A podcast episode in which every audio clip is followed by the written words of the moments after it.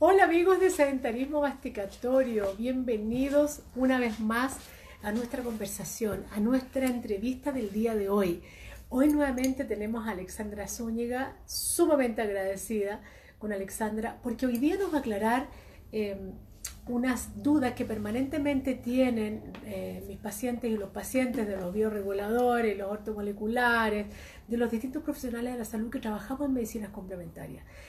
Cuando extendemos una receta, eh, los médicos, odontólogos y otros profesionales eh, que tienen la facultad legal de extender recetas, podemos enviar una receta que el paciente la va a despachar o en la farmacia, la farmacia de su barrio, la farmacia de cadena, eh, o bien en la farmacia, en la farmacia em, de recetario magistral. Y existe un recetario magistral también homeopático, del cual algo hablamos con Alexandra la vez pasada, y, em, y tiene un sentido siempre ese tipo de recetas. Pero vamos a explicar hoy día un poquitito más, les vamos a contar a Alexandra a propósito de eh, el diplomado que ella, en el que ella hace clases en la Universidad de Chile ahora, y justamente está haciendo clase de esto, de, este mismo tema que vamos a hablar nosotros ahora, eh, de ¿Por qué? Porque los pacientes me preguntan, me dice, doctora, ¿y, ¿y, este, ¿y esta receta la puedo ir a comprar a cualquier parte? No, no la pueden ir a comprar a cualquier parte. Entonces de eso vamos a hablar hoy y le vamos a preguntar a Alexandra porque ella es realmente la experta. Eh, ella es químico farmacéutico eh, con una amplia preparación en, bioregulación, en medicina automolecular también y eh, ahora en, docente de la Universidad de Chile que ella nos va a comentar nuevamente, enviando la invitación, a ver si la recibes en este momento. Aquí está. Hola. Sandra, bienvenida. Hola, hola, ¿cómo estás? Nuevamente a esta entrevista del día de hoy. Gracias, muchísimas gracias por estar con nosotros nuevamente porque nos quedó eh, la necesidad, diría yo, el gusto a poco y la necesidad de responder a esas dudas que normalmente tienen los pacientes que, eh, al menos los pacientes, mis pacientes, y yo sé que otros pacientes, porque eso te llega a ti después como pregunta de, de, los clientes que te llegan a la farmacia, ¿por qué esta receta yo la tengo que despachar aquí? Y a ti mismo te preguntan, oiga, ¿y esta receta yo la puedo despachar en otra farmacia? Entonces, eh, bienvenida nuevamente, muchas gracias. Y eh, a propósito del diplomado, que ya nos vas a contar eh, un poquitito más de ese diplomado en el que estás participando en la Universidad de Chile, justamente preparando profesionales de tu área para esto mismo, porque en bioregulación nosotros hacemos, hacemos nosotros prescribimos, los profesionales clínicos prescribimos recetas para el recetario magistral homeopático, en este caso, en algunas ocasiones son suplementos eh, o, recetas de, medicina ortomolecular. Eh, cuéntanos eh, cuál es la diferencia entre una farmacia de cadena, por ejemplo, la clásica farmacia que nosotros vamos y compramos de metal medicamento, aquí está la receta, o los pacientes van con una receta que tiene varias cosas y van donde el farmacéutico y, mandan a hacer esa receta. No es una caja ni un frasco ni nada que le vayan a entregar en ese momento probablemente.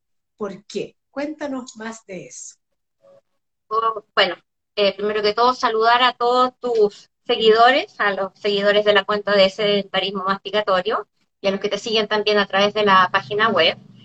Eh, bueno, eh, primero que todo, eh, hacer, digamos, la, eh, la diferencia en que una farmacia es un centro de salud.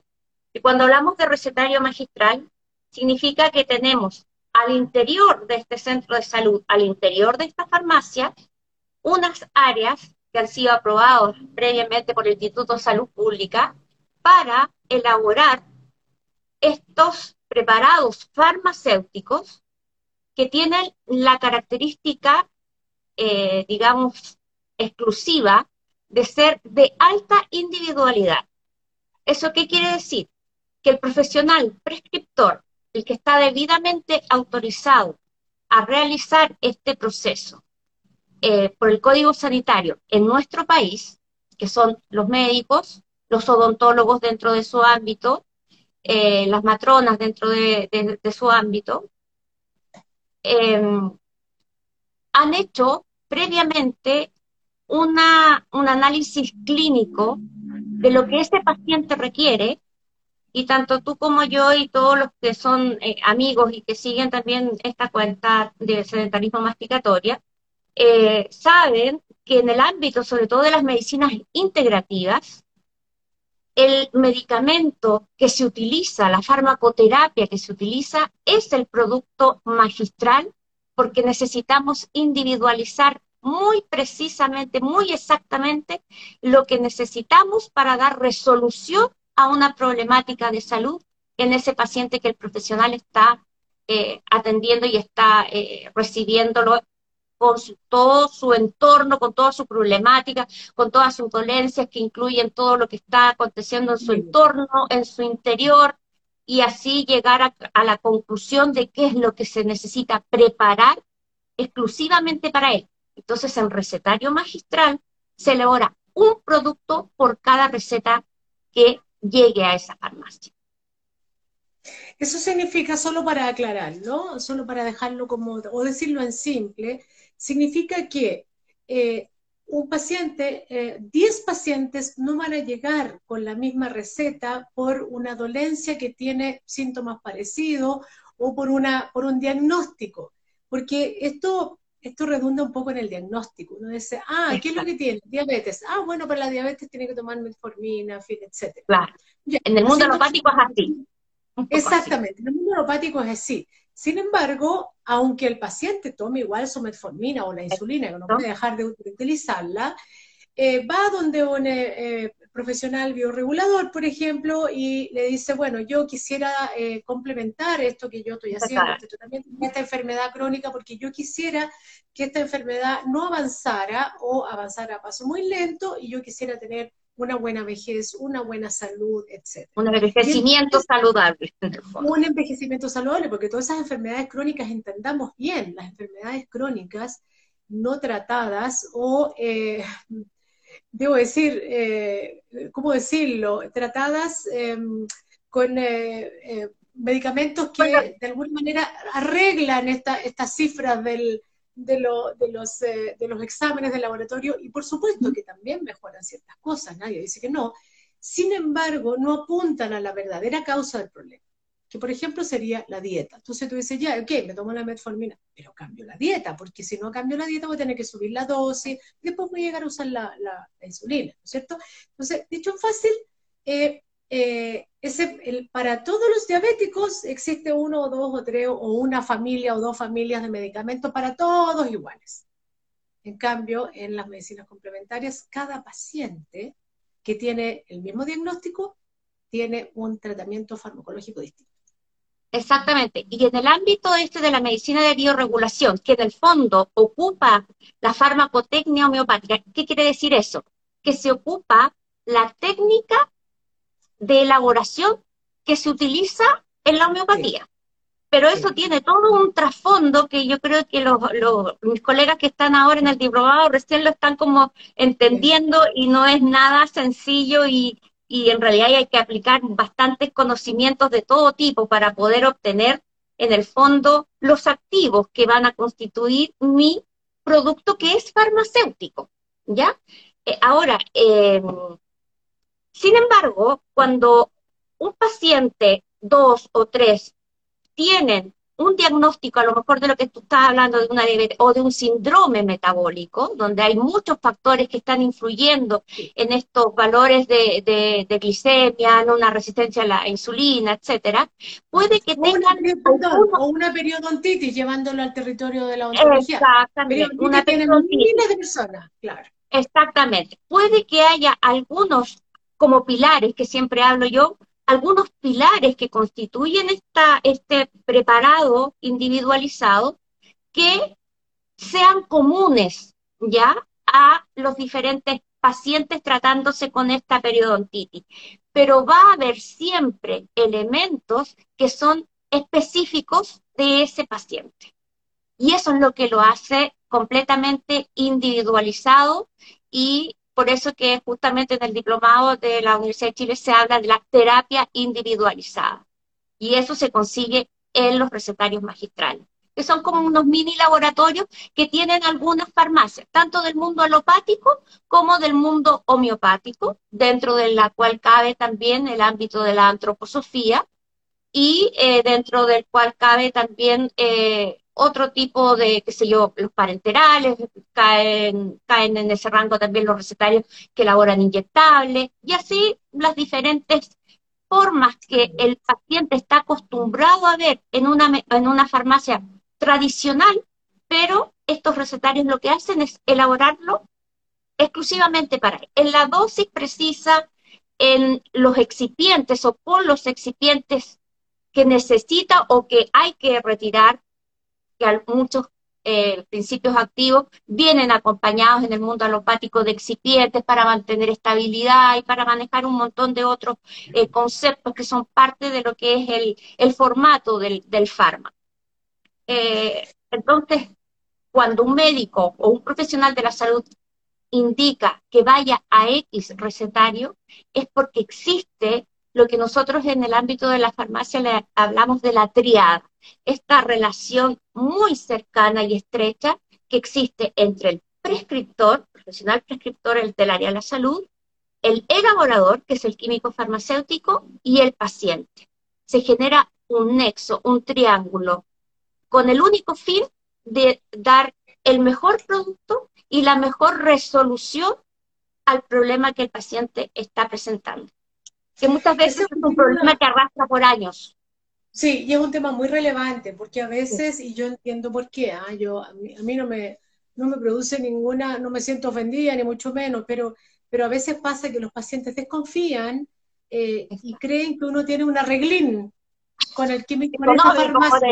claro, claro. Debe tener un arreglín porque me manda siempre a esa farmacia y no a otra. Entonces, es muy importante que comprendan que aquí no hay arreglines, que lo que hay es un vínculo, un vínculo que debe existir, un vínculo que está establecido, que incluso tiene un sustento legal, eh, en, el que eh, el, prescriptor, que en este caso es el clínico, tiene que tener esta, esta mm, este, esta comunicación directa con su químico farmacéutico, así como el paciente me dice, es que yo no, yo no, es tan difícil pensar en que me voy a cambiar de dentista, me voy a vivir a otra ciudad, pero te voy a venir a ver igual, yo sigo viendo pacientes que viven en otras ciudades, ¿cómo cambiarse de químico farmacéutico cuando uno trabaja con este tipo de, em, de, medicina, ¿no es cierto? O de odontología integrativa es lo mismo que ocurre, por ejemplo, sobre todo eh, con los hombres y con las mujeres, con ambos sexos.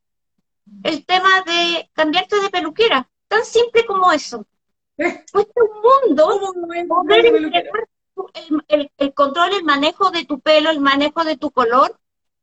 Tú no vas así porque sí a una determinada peluquería, ya sea a cortarte, a tinturarte, a hacerte un masaje. No, acá pasa exactamente en otra escala, pero es así de, estrecha la relación que debiera existir entre el profesional, primero que todo, que prescribe, con el farmacéutico, y luego, obviamente, que ese paciente es el que finalmente se va a ver beneficiado.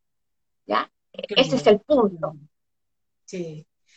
Y, em, a ver, yo te voy a hacer una pregunta que puede ser difícil de, responderla en simple. Tenemos el, mundo de, los medicamentos alopáticos, que uno va a la farmacia, compra la cajita de tanto, porque la receta dice tanto, no sé, paracetamol, pero no sé, sumadol, paracetamol, tienen distintos nombres, ya. Eh, em, la homeopatía, eh, y aquí yo no sé cómo plantearte la pregunta, porque esto no es fácil porque, porque a veces no es fácil de, escribir y tendríamos que estar hablando, no sé, horas de horas de horas respecto a homeopatía. Pero la diferencia entre el, ese medicamento alopático, el medicamento homeopático, y debo decirte que te quiero poner en el mismo saco también, o en esta misma pregunta, te quiero poner las esencias florales. Yo estudié tres años de esencias florales, de terapia floral, y para, y para estudiar terapia floral, uno tiene que aprender a prescribir la terapia floral. El doctor Vázquez fue el que inició esta propuesta de la terapia floral con medicamentos florales eh, que tienen una... Cuando yo la, vi por primera vez dije, bueno, pero esto se parece mucho a, lo que hacemos en, en, homeopatía conjugada, eh, de los medicamentos multiobjetivos de la bioregulación. Eh, tienen técnicas de elaboración parecidas. ¿Podrían considerarse dentro de los medicamentos, por decir homeopáticos, que sabemos que no es homeopatía, pero el doctor Bach era microbiólogo, era Em, eh, fue un investigador, bacteriólogo, investigador de vacunas. Eh, él estudió el método homeopático. Médico primero que todo. Médico primero que todo. Eh, no era una persona improvisada y fue en función de eso, de un tremendo trabajo que elaboró esta propuesta que muchas veces es muy ninguneada. Entonces, te pongo esto a ver si yo sé que tú eres brillante y vas a poder ordenarme la respuesta en fácil. Mira, eh, a mí me tocó también eh, tener que estudiar las flores por un tema de casi como obligatorio, ¿ya? Porque justo en la época, lo cuento como anécdota, justo, justo, en la época en que esta farmacia se abrió, que una farmacia se abrió, estaba el boom de la terapia floral de Bach, donde habían actrices, donde habían determinados personajes que estaban haciendo, eh, digamos, cursos, se habían formado y estaban hablando mucho de esta terapia. Y yo no lograba captar en, en, realidad de qué se trataba porque se hablaba mucho de las terapias de las emociones. Más que otra cosa era la terapia de las emociones que estaba tan como de moda. Entonces, para entender el tema, eh, obviamente tú me conoces, soy súper busquilla, entonces hice como un, un retiro espiritual de casi también dos a tres años estudiando el, concepto, pero siempre con la mirada farmacéutica. Que eso yo siempre lo, lo, recalco. Yo nunca me, eh, me, he ido a, a enfocar hacia la idea de, prescribir. Siempre con la mirada de... Y, bueno, y tú lo sabes cuando hemos ido a congresos, yo siempre están hablando de algo y yo ya estoy escribiendo en un papelito una fórmula, pero con la idea en el fondo de dar un soporte, de dar un soporte de, prescripción o de facilitar al cuerpo médico que, trabaja con nosotros, eh, facilitarles eso de, cómo soltar la mano, que yo llamo siempre a esto. Y toca justamente que lo primero que uno tiene que ver es, es quién empezó a hablar de esto, quién lo diseñó. Y claro, yo como venía con todo un tema, todo un historial, digamos, de, de, laboral de, de Hahnemann, pero ya Hahnemann así saltado así varios años después.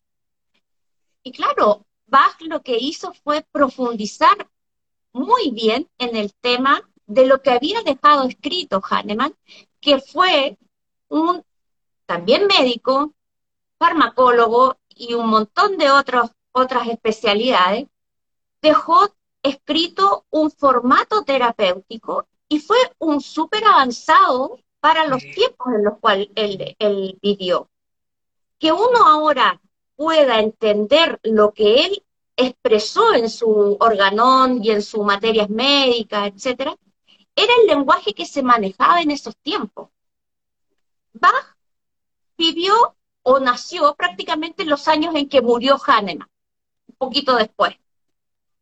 Y él como bacteriólogo, investigador de vacunas, posterior a eso empieza a estudiar el tema de las esencias florales. Y toma todo lo que había hecho Hahnemann y todo lo que habían hecho los seguidores de Hahnemann hasta llegar y concluir que lo que él necesitaba era, en el fondo, solucionar en sus pacientes problemáticas que estaban relacionadas con las emociones y esas emociones mal manejadas generaban situaciones orgánicas en el organismo. Fue lo mismo que dijo Hahnemann, pero que Hahnemann lo dijo en otro lenguaje. Pero para Hahnemann lo importante también era, ¿y por qué él habla de similia similibus curantur? Que en el fondo es buscar una sustancia similar, pero siempre él manejó y los libros que se transcribieron de Hahnemann hicieron una mala interpretación y han relacionado con que la homeopatía es tratarlo con lo mismo, la alopatía con lo contrario, Y no, es con lo similar. ¿Y dónde está esta diferencia? ¿Por qué es similar? Porque cada individuo tenía una emocionalidad y el cómo se veía afectado por el entorno de aquella época. Y, eh, y Bach hace un poco lo mismo y utiliza, sí, muy bien todos los antecedentes botánicos y farmacognósicos y también farmacológicos y toxicológicos de las plantas y de las flores que él utiliza. Y él principalmente utilizó, tú sabes, las humedades floridas, que se llaman, son las flores donde crecían, cómo crecían, cómo se comportaban frente al ambiente, frente a la humedad, frente al sol, frente a la noche. Y él hizo una especie como de tintura madre, ocupó el principio de Hahnemann de una solución madre y luego hizo unas diluciones con el concepto también de las diluciones de Hahnemann. Por lo tanto, si tú me preguntas qué son las esencias florales que se venden en este minuto en nivel mundial, para mí son diluciones homeopáticas que no estén todavía reguladas por el Instituto de Salud Pública es, es, otro tema, pero farmacéuticamente yo te diría que debieran ser materias primas del mundo de la homeopatía. No, y de la homeopatía que incluye también a la antroposofía, que mucha gente, no es que la antroposofía tiene distintos conceptos en la forma de, de cómo utiliza los vegetales y cómo utiliza los minerales. Por eso que un recetario magistral antroposófico que ocupa la técnica homeopática y un recetario como yo que es bioregulador, pero que también ocupa la, técnica homeopática, en realidad no nos corresponde fabricar una u otra cosa porque se utilizan partes de las plantas, de los vegetales, sobre todo, de, eh, en forma eh, diferente. La técnica es la misma, pero lo que vamos a emplear como sustancia madre es diferente. Y en las flores de Bach estamos ocupando flores. Ahora han salido otros sistemas florales, ¿no es cierto? Pero si hablamos específicamente del doctor Bach, en el fondo también lo que él utilizó fueron las unidades floridas de ciertos vegetales y luego hizo unas diluciones homeopáticas más bien bajas. Por eso que las diluciones o las esencias florales, algunas incluso todavía tienen color cuando tú compras los, los, los frasquitos puros, digamos, ¿Tienen color? ¿Por qué tienen color? Porque todavía hay principio activo. Eso te lo digo como ah, farmacéutica. mira, eso no lo sabía. Eh, qué interesante. Bueno, sobre todo porque eh, por desconocimiento, sin duda alguna, eh, la, la, terapia floral se ningunea, pero por otro lado también lo que tú dijiste al principio, ¿quiénes prescriben? Eh, y con eso yo, con esto yo no quiero denostar en absoluto a, nadie, porque no tiene por qué ser necesariamente alguien del área de la salud que, que, prescriba, pero eh, también eh, yo después de haber estudiado tres años, no me imagino que alguien que estudie un fin de semana pueda realmente empezar a prescribir, adecuadamente las flores. O sea, porque no son homeopatías, claro tiene que saber un montón de cosas, pero eh, yo creo que cada vez son más las personas que, que en el fondo se, están, se especializan en, en, eh, en la terapia floral. Eh, y en el fondo también el avance de la terapéutica floral y la aparición de, de muchos otros formatos de, digamos, florales, hace que ese terapeuta también tenga que estar en constante formación, en constante actualización. Si no, se queda, digamos, completamente atrasado en el tema de ya, el Rescue Remedy, y que ahora lo venden en, en, muchas partes. No, en todas partes, sí. Lo llegan en sí, como el, Es un gran medicamento también, es una gran mezcla, fórmula. Sí. sí, hemos tenido, nosotros hemos tenido dos grandes invitadas, dos grandes terapeutas florales, que eh, Marcela Runderlich y, la, y Ana María Araya, en las hemos tenido de invitadas. Eh,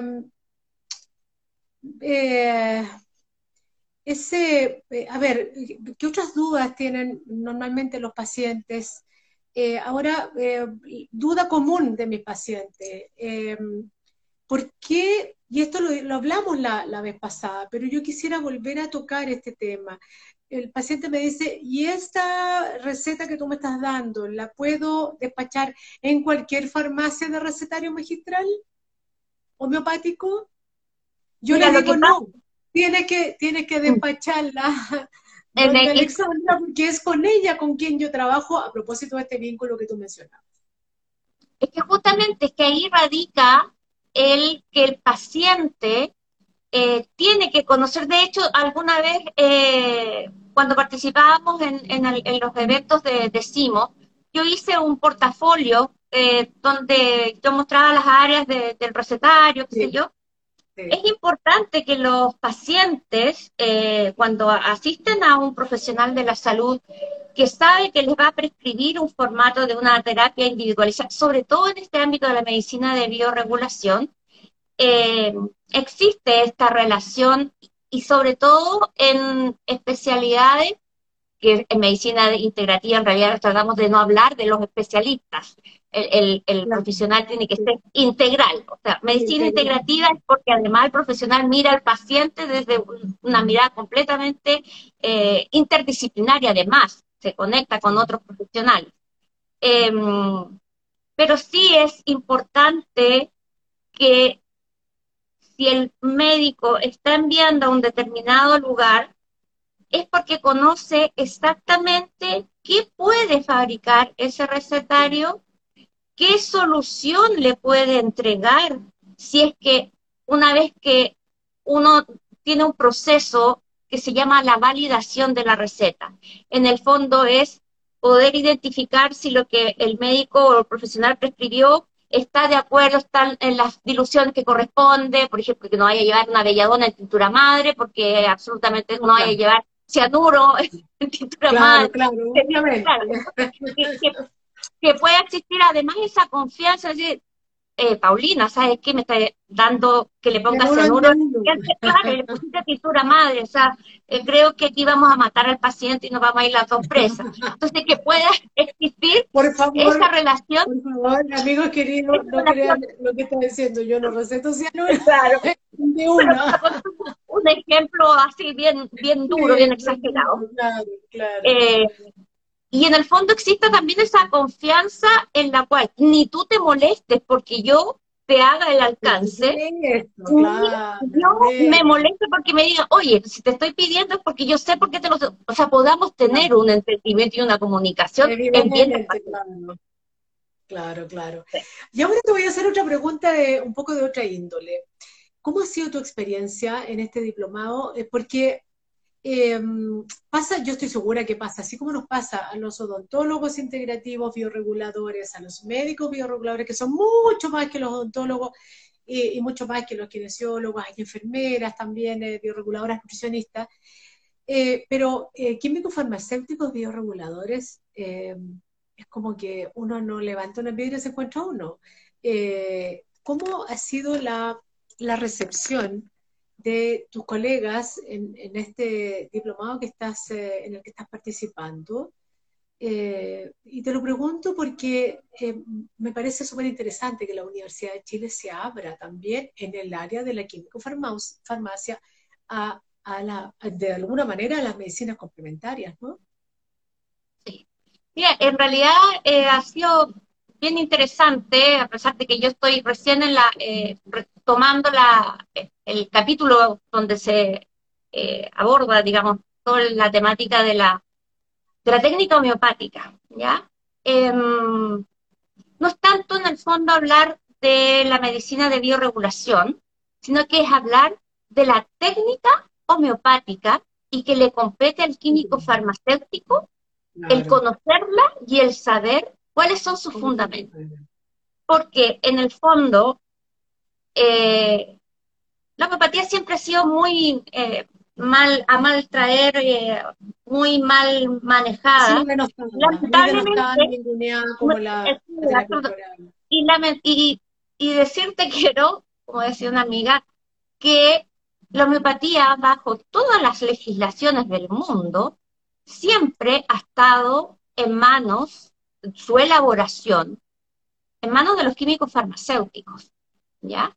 Que en Chile, por un gran periodo de tiempo haya estado en manos de otras personas, lamentablemente es por un tema también de desconocimiento, como en todos en todas los ámbitos donde se quiere normar y se quiere, en el fondo, hacer una, una regulación. Y yo creo que eh, los alumnos de este diplomado deben estar eh, impactados. y en el fondo tiene todo un trasfondo lo que es la obtención primero de la tintura madre, si tú vas a fabricar las tinturas madre, dependiendo de qué tipo de vegetal, de la materia prima, porque el cómo tú elabores la tintura madre, el cómo tú elabores las siguientes diluciones, basado en un libro que nosotros le llamamos farmacopea, que es como las, directrices de, cómo se debe hacer esto. Un libro gordo de PTT. Un libro gordo de PTT. Hay que poder, eh, digamos, interpretar muy bien lo que dice estas monografías, que en el fondo es como la historia del vegetal, la historia del mineral, y te da unas pautas muy precisas de cómo elaborar cada activo que va a constituir el medicamento homeopático. Tal como vas a comprar un paracetamol de 250 miligramos, en el fondo la industria farmacéutica, los farmacéuticos, llegaron para obtener un principio activo paracetamol, 250 miligramos, que está en, una, en un jarabe, en un comprimido, incluso ahora existen los comprimidos eh, que, se, que se disuelven, eh, hay un montón de formatos, lo mismo con el ibuprofeno, por nombrarte algunos.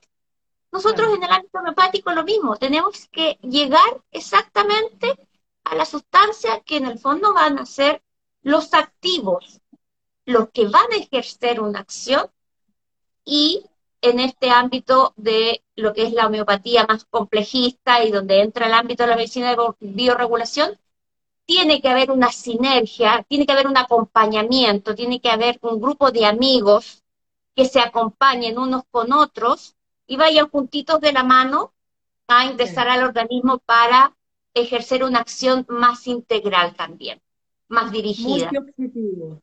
Multiobjetivo. Resolutiva.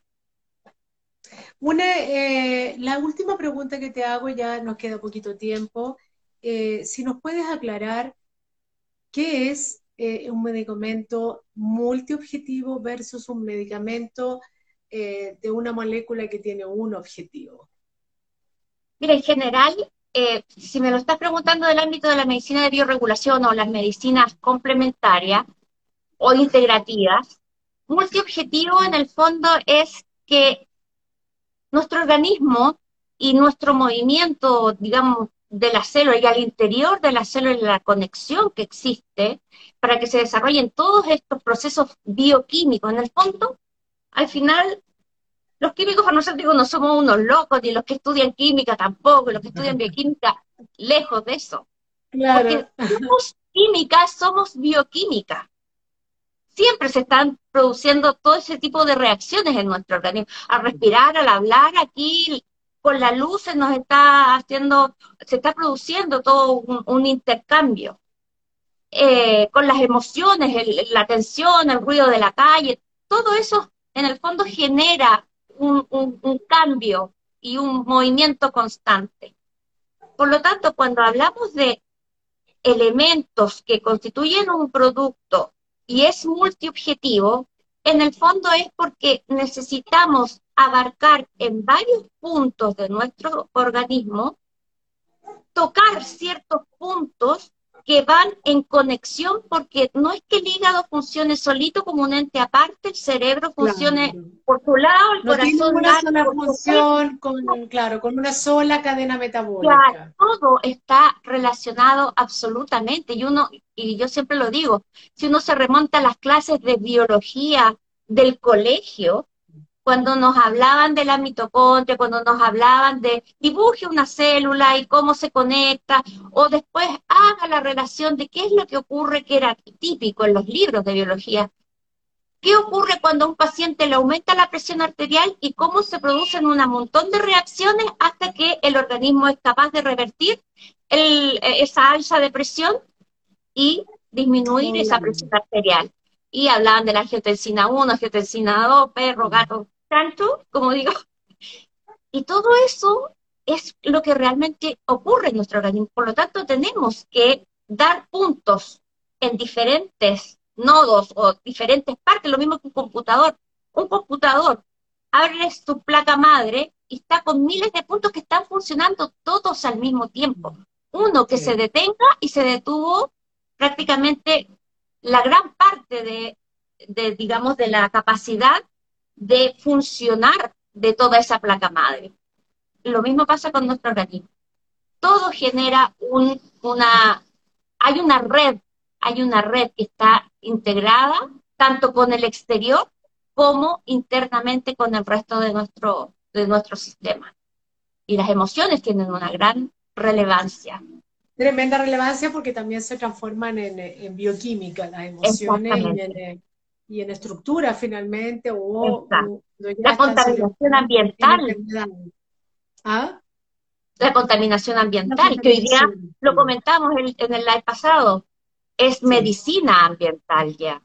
Medicina ambiental, claro. Claro, bueno, ahí, ahí entramos en otros temas súper interesantes y el, el, cómo incide, por, por ejemplo, ¿por qué uno hace una receta distinta de un paciente a otro? No da lo mismo un paciente que vive en Calama que un paciente que vive en Aysén, porque el paciente que vive en Calama va a requerir de una, una, una batería para desintoxicarlo muy distinta al paciente que vive en el, en el campo y que ha vivido siempre allá. O sea, teniendo el mismo diagnóstico, entre comillas, que podría ser una, un diagnóstico. Tienen unos, determinados puntos que son completamente distintos. Así es. Absolutamente. Sí. Bueno, Ale, yo quiero darte las gracias porque nos aclaraste muchas cosas. Contarles a nuestros amigos de sedentarismo masticatorio eh, varias cosas. Primero, recalcarles que cada uno de nosotros los profesionales que somos bioreguladores o que trabajamos en distintos tipos de áreas de la medicina integrativa, tenemos nuestro eh, farmacéutico amigo, nuestro farmacéutico con el que tenemos eh, este, trabajo mancomunado. En Santiago tenemos excelentes químicos farmacéuticos que hacen eh, también trabajan en, farmacias donde elaboran estos medicamentos. Eh, y, bueno, eh, también a veces a mí me ha tocado eh, en algunas recetas, hemos, lo hemos conversado. Me acuerdo la primera vez cuando te dije, Ale, yo quisiera ponerle flores a la receta que tiene homeopatía porque porque en realidad son diluciones homeopáticas y entonces sí hemos elaborado también algunas... Ha llegado a la casa de la, Sí, a veces los pacientes me dicen, ¿Y, tú me podrías dar flores? Es que lo que pasa, le digo, es que la receta que yo te estoy, lo que te estoy prescribiendo, tiene flores. Porque es necesario, porque yo necesito también acompañar esa receta que tiene una, una traducción que a lo mejor es bioquímica, por así decirlo, también tiene una, una, un impacto en las emociones que, eh, que están detrás de lo que tú estás viviendo. Bueno, quiero darte las gracias. Eh, le estaba contando a nuestros amigos que, eh, con Alexandra eh, escogimos especialmente el tema hoy día porque, porque hay muchas dudas respecto de por qué esta receta se despacha aquí y no allá y por qué no la puedo ir a comprar en la farmacia cadena.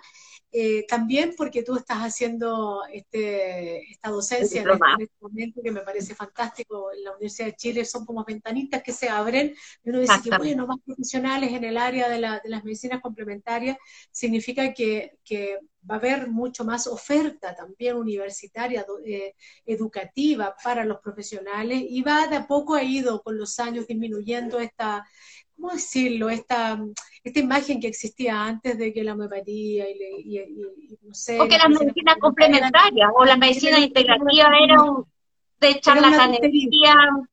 Claro, o era chanta, o era brujería, o era... Ya estamos bastante lejos de eso, por fortuna, y gracias a profesionales como Alexandra, que eh, eh, nos han permitido a nosotros los profesionales que prescribimos, nos han permitido también darle un curso, porque nosotros no sacamos nada con prescribir si no tenemos un farmacéutico que nos elabore estas recetas. Sin ellos, sin ustedes, eh, los farmacéuticos que elaboran nuestras recetas, no es posible. Así es que para que sepan todos ustedes la importancia que tiene también el químico farmacéutico, que ustedes no lo ven porque está detrás manejando su farmacia, eh, su laboratorio, un verdadero laboratorio, también forma parte de este mundo de las medicinas complementarias y la ontología integrativa también, y también parte del concepto de sedentarismo masticatorio. El concepto de sedentarismo masticatorio ha ido evolucionando, se ha, ido, se ha ido haciendo, se ha ido formando. Eh, y bueno, lo que tú haces y tú también eres parte de eso, Alexandra. Así que quiero darte las gracias, amigos queridos, eh, gracias por estar con nosotros. Qué bueno que estás eh, viva. O en diferido, ¿ah? Qué bueno que estás viva. sí, estoy viva, estoy viva. Eh, y no me ha pasado nada, no me ha pasado solamente, absolutamente. Ale pensó que yo no estaba bien porque no le contestaba el teléfono ayer porque venía manejando al sur. Eh, y entonces la Ale estaba preocupada. Eh, y bueno, para esas preocupaciones también hay receta. Alexandra, te voy a dejar invitada ya, te prometo que no te, no, no te voy a reventar, pero te voy a dejar invitada desde ya para que hagamos una, conversación respecto del estrés, las emociones, etcétera, de, todo este mundo de, oferta del, mundo farmacéutico eh, para, para ese tipo de, dolencias o para esa parte de la vida, que hoy día la tenemos, todos los chilenos la tenemos, exactamente. especialmente los chilenos la tenemos bastante complicada. Así que Cosa de terminar el año y partir con algunos tips. Eso es lo, lo, Exactamente. El próximo, el próximo, eh, la próxima conversación con Alexandra, va, les vamos a dejar algunos tips para eh, poder para ver de qué manera manejamos ese estrés de la vida cotidiana. Eh, y bueno, te dejo este último par de minutitos para ti y ya cerramos hoy día. En agradecer nuevamente esta invitación que, se nos había un poco olvidado a las dos, pero se, resolvió rápidamente. Y, nada, eh, qué rico que te sigan, que te sigan en la página, porque en la página queda muy bien detallado lo que, lo que cada entrevistado conversa contigo.